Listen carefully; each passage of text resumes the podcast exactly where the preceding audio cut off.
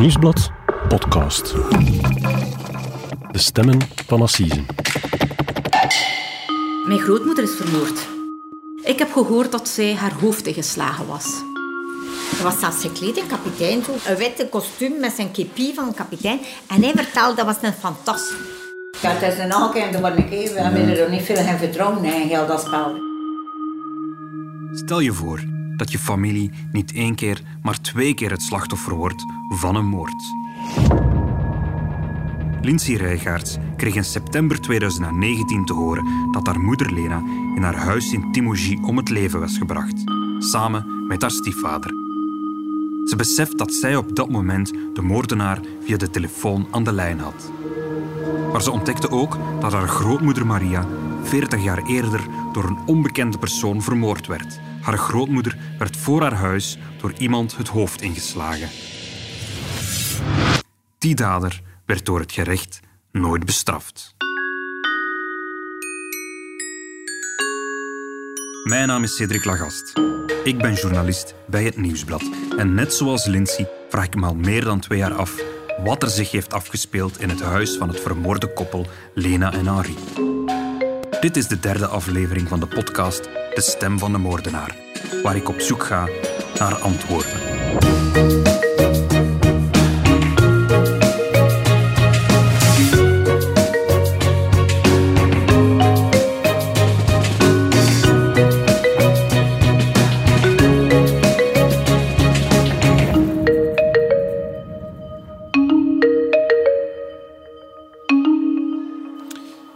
Eerste afleveringen hadden we het dus over de moord op het gepensioneerde koppel Lena en Henri in Timogie.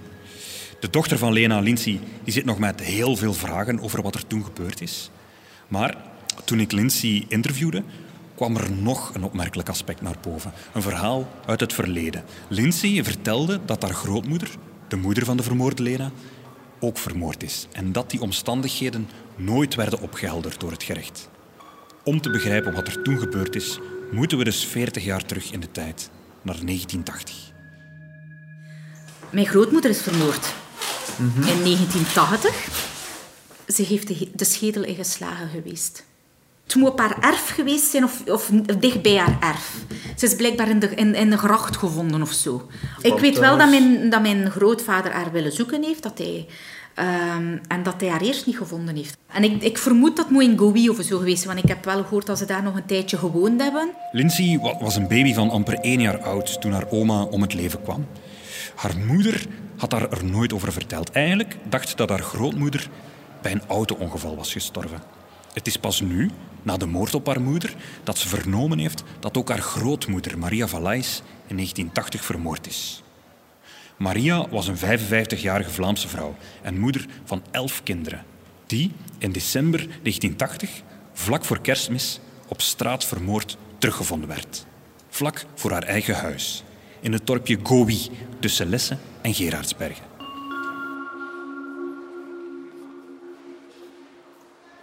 De moord op een moeder van elf kinderen, dat moet volgens mij toch ook al in 1980 voor ophef gezorgd hebben.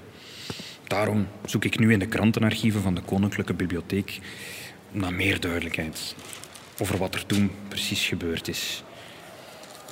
Ik, ik blader door de kranten, maar het verhaal valt me niet meteen op. In december 1980 staan Freddy Orion en Roland Feneuil samen terecht voor het Gentse Hof van Assise voor de vijfvoudige moord op het gezin Steinaert.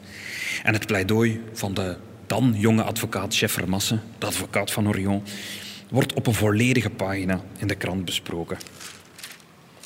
Op kerstdag overlijdt zanger Louis Neefs bij een verkeersongeval.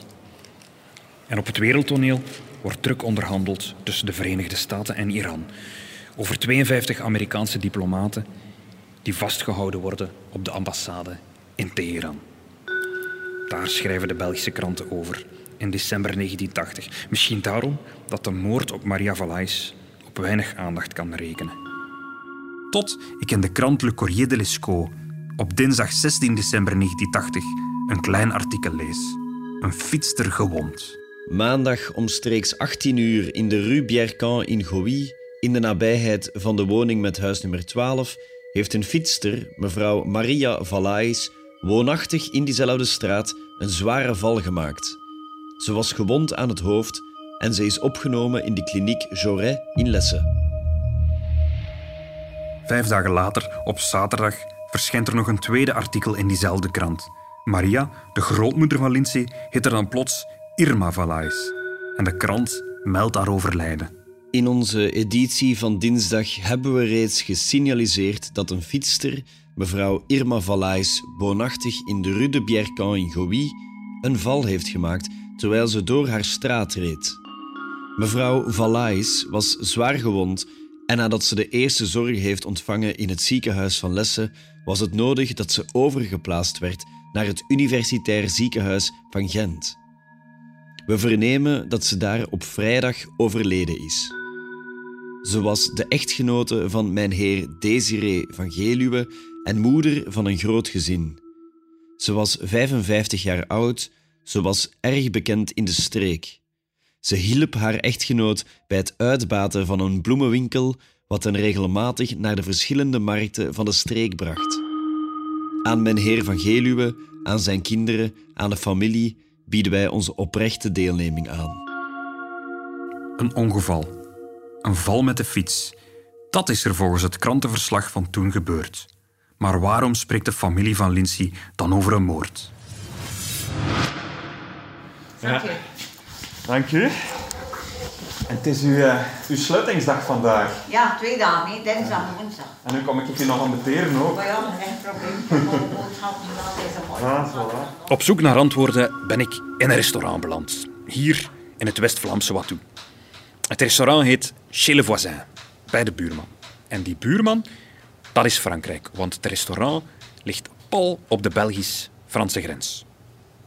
Vroeger was hier een drukke grensovergang, waar douaniers de auto's controleerden van wie de grens over wilde. Dit gebouw was de laatste pitstop voor je België uitreed. Of de plek waar je kon wachten als de douaniers uh, veel tijd nodig hadden om je papieren in orde te brengen. Denk een beetje aan de film Rihanna Déclaré met Benoît Poelvoorde. De wit-blauw gestreepte paaltjes op de brug boven een beek, die geven de grens aan. Ah ja. En die, die blauwe paaltjes, wat zijn die blauwe Dat is paaltjes? Frankrijk, hè. Dat is... Dat zijn de Ja, grenspaaltjes. ja. Het eerste kotje daar, dat was de Belgische hè. Dat kotje, dat was een commissiebureau. Daar was de douane. De Belgische. En de Franse door, hè. Ah. Vroeger was het geen restaurant, maar een het was café en winkel. En ik heb helemaal een toog in gebleven en de rest is overnieuwd. Eten hadden ze toen wel niet. Hè. Ze kochten hier tobak, sigaretten, eh al zulke dingen. Hè, was er verkocht. Maar eten hadden ze ze er niet. Hè. Ik gaf eten. Sinds de grenzen in 1992 in Europa vervaagden, is ook de grenspost verdwenen. Chez le Voisin heeft geen buren meer en het staat alleen tussen de velden. Maar het is een populair restaurant dat uitgebouwd wordt door de 71-jarige Paula van Geluwe. Ze is de oudere zus van Lena van Geluwe en de tante van Lindsay. We hebben er even een goed Frans cliënteel of Baals cliënteel. En de die die komt doen nog naar de, naar de beste, als een beetje op dat plat Vlaams. Ja? Ah. Ja, dat, Maar dat is Frans-Vlaanderen daar. ja, ja, het- Die spreken ook zo'n beetje Vlaams. ja, maar dat, de jongeren met mij. De jongen kunnen dat niet mee. Paula en haar zus Lena zijn geboren in Poperingen. Ze waren de kinderen van Desiree van Geluwe en Maria Valais, een West-Vlaams koppel hoppenboeren. Ik vind twee zwart-wit fotootjes op het internet van een jonge Desiree die blijgezind in de camera lacht, zijn haren strak achteruit gekamd. Zijn echtgenote Maria heeft haar donkere haren opgestoken en het hangt in pijpenkrullen naar beneden. Mijn vader was hoppenboer. Ah, is dat? Ja. Ah, En wij waren een van de grootste hoppenboeren van de streek. Oké. In die tijd. Je moest land bijkopen en nog een keer hoppen aanleggen. En daardoor ja, eh, in de problemen geraakt. Die eh, hoppenopkoper Ja? gaf dat geld voor dat land. Maar mijn vader moest dat dan natuurlijk terugbetalen. En na enkele jaren wilde hij die hoppenaankoper wilde zijn geld in eenmaal terug. En dat kon mijn pa niet. Stamvader Desiree van Geluwe, een hoppenboer, komt in 1969 in de problemen als een van zijn investeerders plots zijn geld terug wil. De hoppenboerderij verdwijnt. Het hele gezin, inclusief de 16-jarige Lena, verhuist van Poperingen naar Gerardsbergen. Daar begint vader Desiree van Geluwe een kruidenierswinkel aan het stationsplein, de Roos. Lena en haar zus Rosa moeten in de winkel helpen. Na een paar jaar laat vader Desiree het kruidenierswinkeltje in Gerardsbergen over aan zijn dochter Lena. Zelf verhuisde vader Desiree zijn vrouw Maria en de jongste kinderen naar Gouy, een klein dorp een paar kilometer verderop, net over de taalgrens. Hij startte daar een bloemenhandel. Hij kocht bloemen op die hij zelf ging verkopen op de markt. Mijn moeder was afkomstig van Poperingen, van de Valuisens van de bloemen. En hij heeft dan de markten beginnen doen met bloemen. Het is daar in Gouy dat moeder Maria Valais op een maandagavond in 1980 dood wordt teruggevonden. Mijn mama is een u- boodschap gaan doen met haar fiets. En mijn mama is niet meer teruggekeerd. Oké. Mijn mama hebben ze gevonden langs de straat. En het zijn mensen van in de buurt die de honderd opgebeld hebben. Het is een buurman die de zwaargewonde vrouw langs de kant van de weg in de gracht ziet liggen. Hij belt de hulpdiensten en gaat dan ongerust bij vader Desiree van Geluwe aanbellen. Ze zat in de zijkant in de gracht en ze wilde nog recht staan. En ze had normaal ook een bril aan en die bril lag onder haar. En zo hadden die mensen haar niet verkend. En ze wilde nog wat zeggen van het moment dat ze in de ziekenwagen, maar er is niks meer uitgekomen. En Ze hebben niks meer kunnen uitbrengen, zodat ze dat ook niet meer kunnen vertellen wat dat er, zodat ze ging in de ziekenwagen steken, beweegde haar mond nog voor nog iets te willen zeggen, maar ze hebben niks meer kunnen uitbrengen. Dus zijn ze ze nog enkele dagen aan de machine laten liggen en nog enkele dagen hebben ze gezegd ja, dat dat niet meer ging. Nou, de eerste dag was ze omver gereden. ja. Dat was een klein boontje. En de fiets stond tegen de telefoonpaal. Maar ja, er niets aan de fiets is, het is niet normaal. Achteraf hebben ze gezegd dat haar schedel bewerkt was met een zwaar voorwerp. Maar er is er niks van gekomen. Het is er van nooit niets uitgekomen. En was het een moord? Of was ja, het een als schedel accident? bewerkt is met een zwaar voorwerp, heb je toch zo aangekregen. hè? In het Waalse ziekenhuis in Lessen denken de hulpverleners nog dat Maria gevallen is met haar fiets. Maar haar toestand is zo ernstig dat ze met een helikopter naar het Universitair Ziekenhuis van Gent moet worden gebracht. Daar ontdekken de dokters dat Maria Valais slachtoffer werd van bruut geweld. Dat zegt Magda van Geluwe, de jongere zus van Lena en Paula. Dus dan hebben ze ze getransporteerd per helikopter eh, in, naar Gent, naar Tuzet in tijd, het universitair ziekenhuis. Dan ben ik achtergereden met mijn pa met een auto. De professor Marx was in tijd. Ik weet nog goed dat professor Marx haar eerst onderzocht heeft. Hij is dan bij ons gekomen en heeft gezegd, kijk, het is echt ernstig. Ze heeft een hersenletsel. Ehm, ze heeft 50% kans op overleven, maar als ze overleeft, zal ze een plank blijven. Maar vier dagen later is ze overleden. Dus ja, dan hebben ze daar een autopsie gedaan, omdat dat niet normaal was. En in Gent was het, eh, de autopsie in het Nederlands. En eh, het stond daar op dat autopsierapport dat ze overleden is aan slagen en verwondingen. Dat het onmogelijk was dat ze gewoon... Allee, want professor Marx had ons, als ze overleden is, gezegd... Zelfs als ze met haar fiets op 50 per uur rijdt, dat een oude vrouw niet, niet kan op 50 per uur met een gewone fiets rijden, dan zou ze nog de letsels in haar hersenen niet hebben dat ze had. Dus heeft hij gezegd, het is onmogelijk dat het een accident is. Het is doorslagen en verwondingen. Maria Valais is dus door geweld om het leven gebracht. Vijf dagen nadat de vrouw zwaargewond in Kouy is teruggevonden, moet het parket van Doornik dus toch nog een moordonderzoek opstarten. De politie moet op zoek naar een moordenaar. Dus mijn vader is dikwijls moeten naar de politie En er is een Doornik onderzoek. Ja, daarnaar. mijn vader is dikwijls geroepen geweest naar Doornik. Want ze, ze hebben daar gevraagd, denk, heeft er iemand, eh, heb je vijanden? Is er iemand die u na, aan het- na het leven staat en al? Maar twee jaar later, in december ook, is mijn vader verongelukt met zijn auto. Dat was echt een accident. Maar hij is gestorven in dat accident. Je had bloemen gaan halen. En dat was een mobiloom die een klein bandje achteruit opreed. En in plaats van te kunnen stoppen, is hij dat gedaan. En hij is daar boven op een tegenligger gevlogen. En was ook redelijk zwaar gebouwd.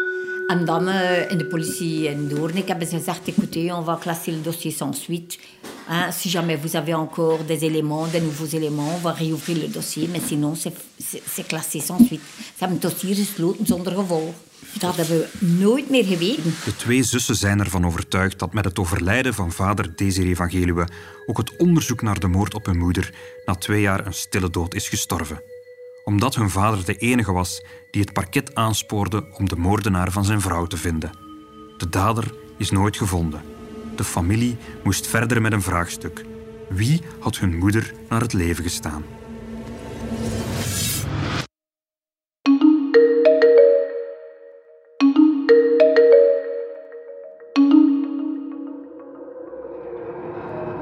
Leven van de jonge Lena van Geluwe kent in de daaropvolgende jaren een tragisch verloop. Zo vertelt haar familie. Er is ook wel veel waard. Er zat ook wel veel tegenslagen aan. Ja, toen dat niet meer wilde, toen ja... eh, De jonge Lena had enkele jaren voor de moord op haar moeder kruidenierswinkel De Roos in Gerardsbergen overgenomen van haar vader. Ze is 23 jaar als ze trouwt met een 10 jaar oudere man die op een dag de winkel was binnengewandeld. Ze is smoorverliefd geworden. Dat was voor alle duidelijkheid niet haar latere man Henri. Hij denkt dat hij een keer op verlof was van die een boot. En hij was zelfs gekleed, een kapitein, zo weet je wel. Ze Was een witte kostuum met zijn kepi van een kapitein. En hij vertelde, dat was een fantast zo. Hij heeft mijn zuster om, om zijn vinger eigenlijk gedraaid. Hij heeft altijd gezegd dat hij de kapitein was van een boot in Gent. En dat hij de rondvaart deed in Europa. En allee, veel, altijd drie maanden weg was op zee, of zes maanden of drie maanden. Maar dat was achteraf, heeft mijn vader dat geweten, dat hij dat van terecht moest doen. Dat was zijn straf. Als hij uit een bak kwam, was hij daar geplaceerd en moest hij zes maanden of drie maanden op zo'n boot blijven. Krantenartikels uit 1966 vertellen dat de man in dat jaar op nieuwjaarsdag opgepakt werd voor de moord op een vrouw in Halle. Een moord die hij als 22-jarige toen opgebiecht zou hebben aan de speurders. Hij heeft zijn straf ondertussen uitgezeten, dus vernoemen we hier in deze podcast zijn naam niet.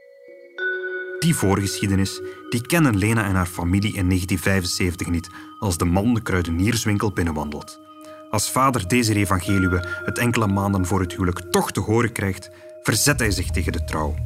Maar Lena zet toch door. Ze is meerderjarig en besluit om toch te trouwen met de man op wie ze verliefd was.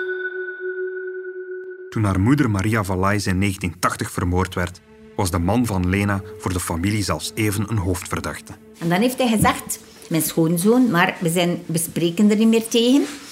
Ik heb maar hem als verdenking, want al de rest zie ik anders niemand die dat zou kunnen doen.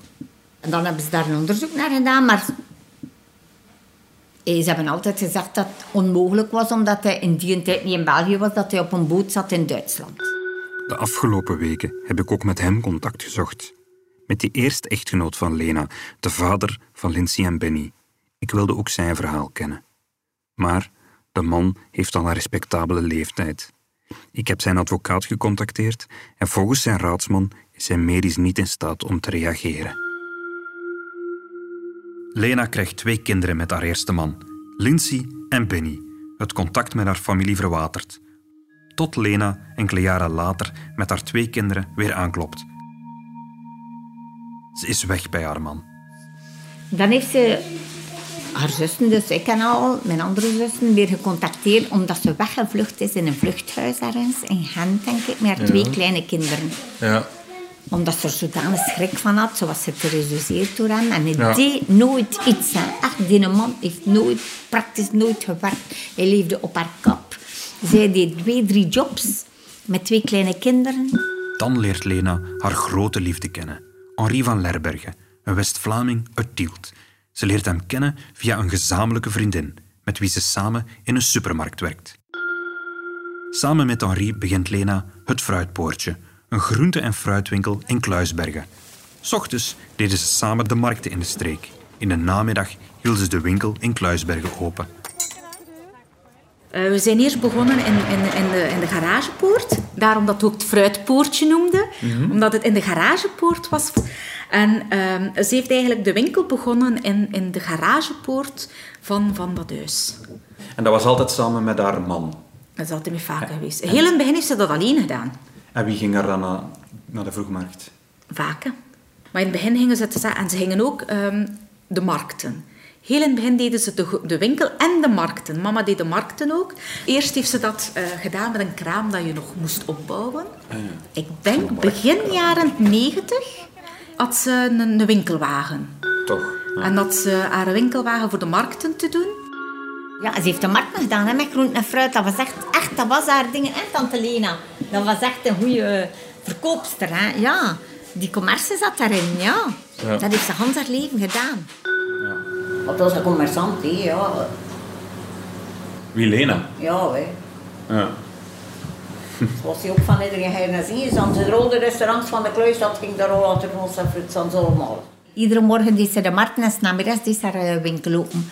En een jaar of vijf later heeft ze haar eh, markten overgelaten. En ze gestopt met de markt en deed ze nog enkel haar winkel. Tot op haar pensioen, als ze Ja. 65 geworden is.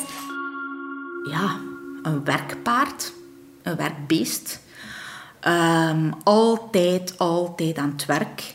Ehm, ze hielp wel waar dat ze kon. Als u kon, als u kon helpen, was ze daar. Ze heeft dat ook veel met klanten gedaan. Ik heb veel klanten geweten die ehm, een keer iets kwamen halen, die niet betaalden omdat ze geen geld mee hadden. Dan zei ze, pak, betaal dat volgende keer. Mama heeft nooit thuis gezeten. Mama heeft bijna nooit op vakantie geweest. Ik denk dat ik haar in heel haar leven twee keer geweten heb dat ze op vakantie was. Was hij altijd wel eens in het, en er wel was voor eh, een feestje te rijden. Lena. Als ik enorm moet, naar die feesten toch gewoon. Ja. Ja, ja, als er een feestje was en ze was al aan gereed voor, een- voor een keer tot topen te steken, dan moet het open wachten.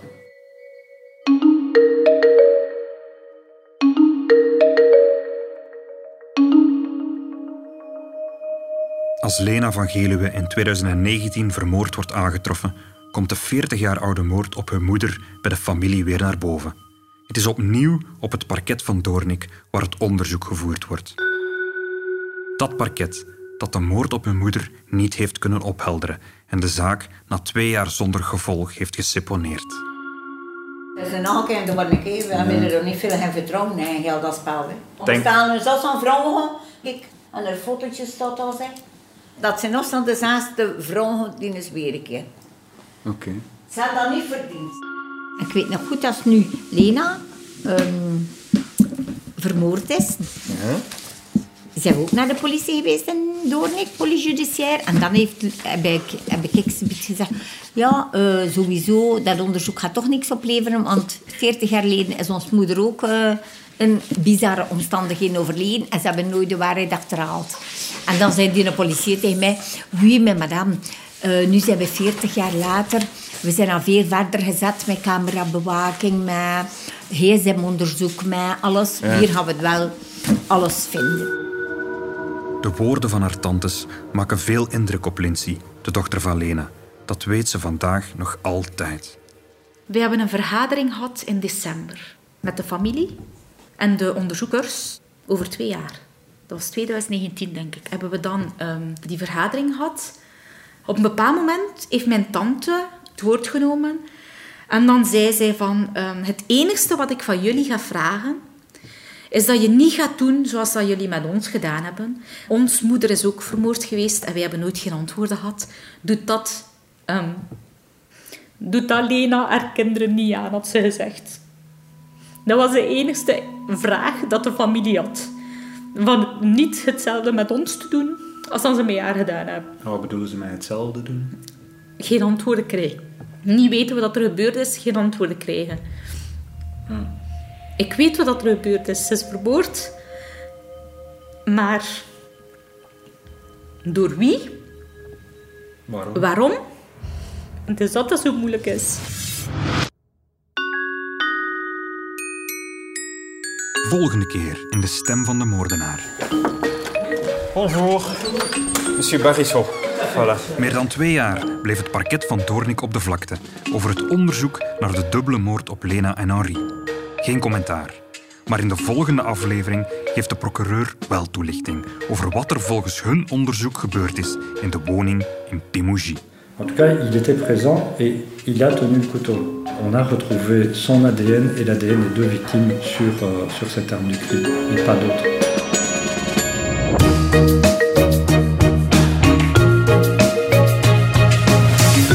Was de derde aflevering van De Stem van de Moordenaar. Wil je weten waar deze vragen ons heen brengen? Luister dan naar de volgende afleveringen van deze podcast. Mijn naam is Cedric Lagast. De montage en de muziek zijn het werk van Pieter Schrevens van House of Media. De productie gebeurde door Bert Heijvaart. Wil je nog meer podcasts over misdaad en justitie? Luister dan elke vrijdag naar de Stemmen van Assise. In deze podcast duik ik met journalisten Pieter Huibrechts en Mark Cliffman in een interessante rechtszaak en nemen we je mee achter de schermen van de rechtszaal.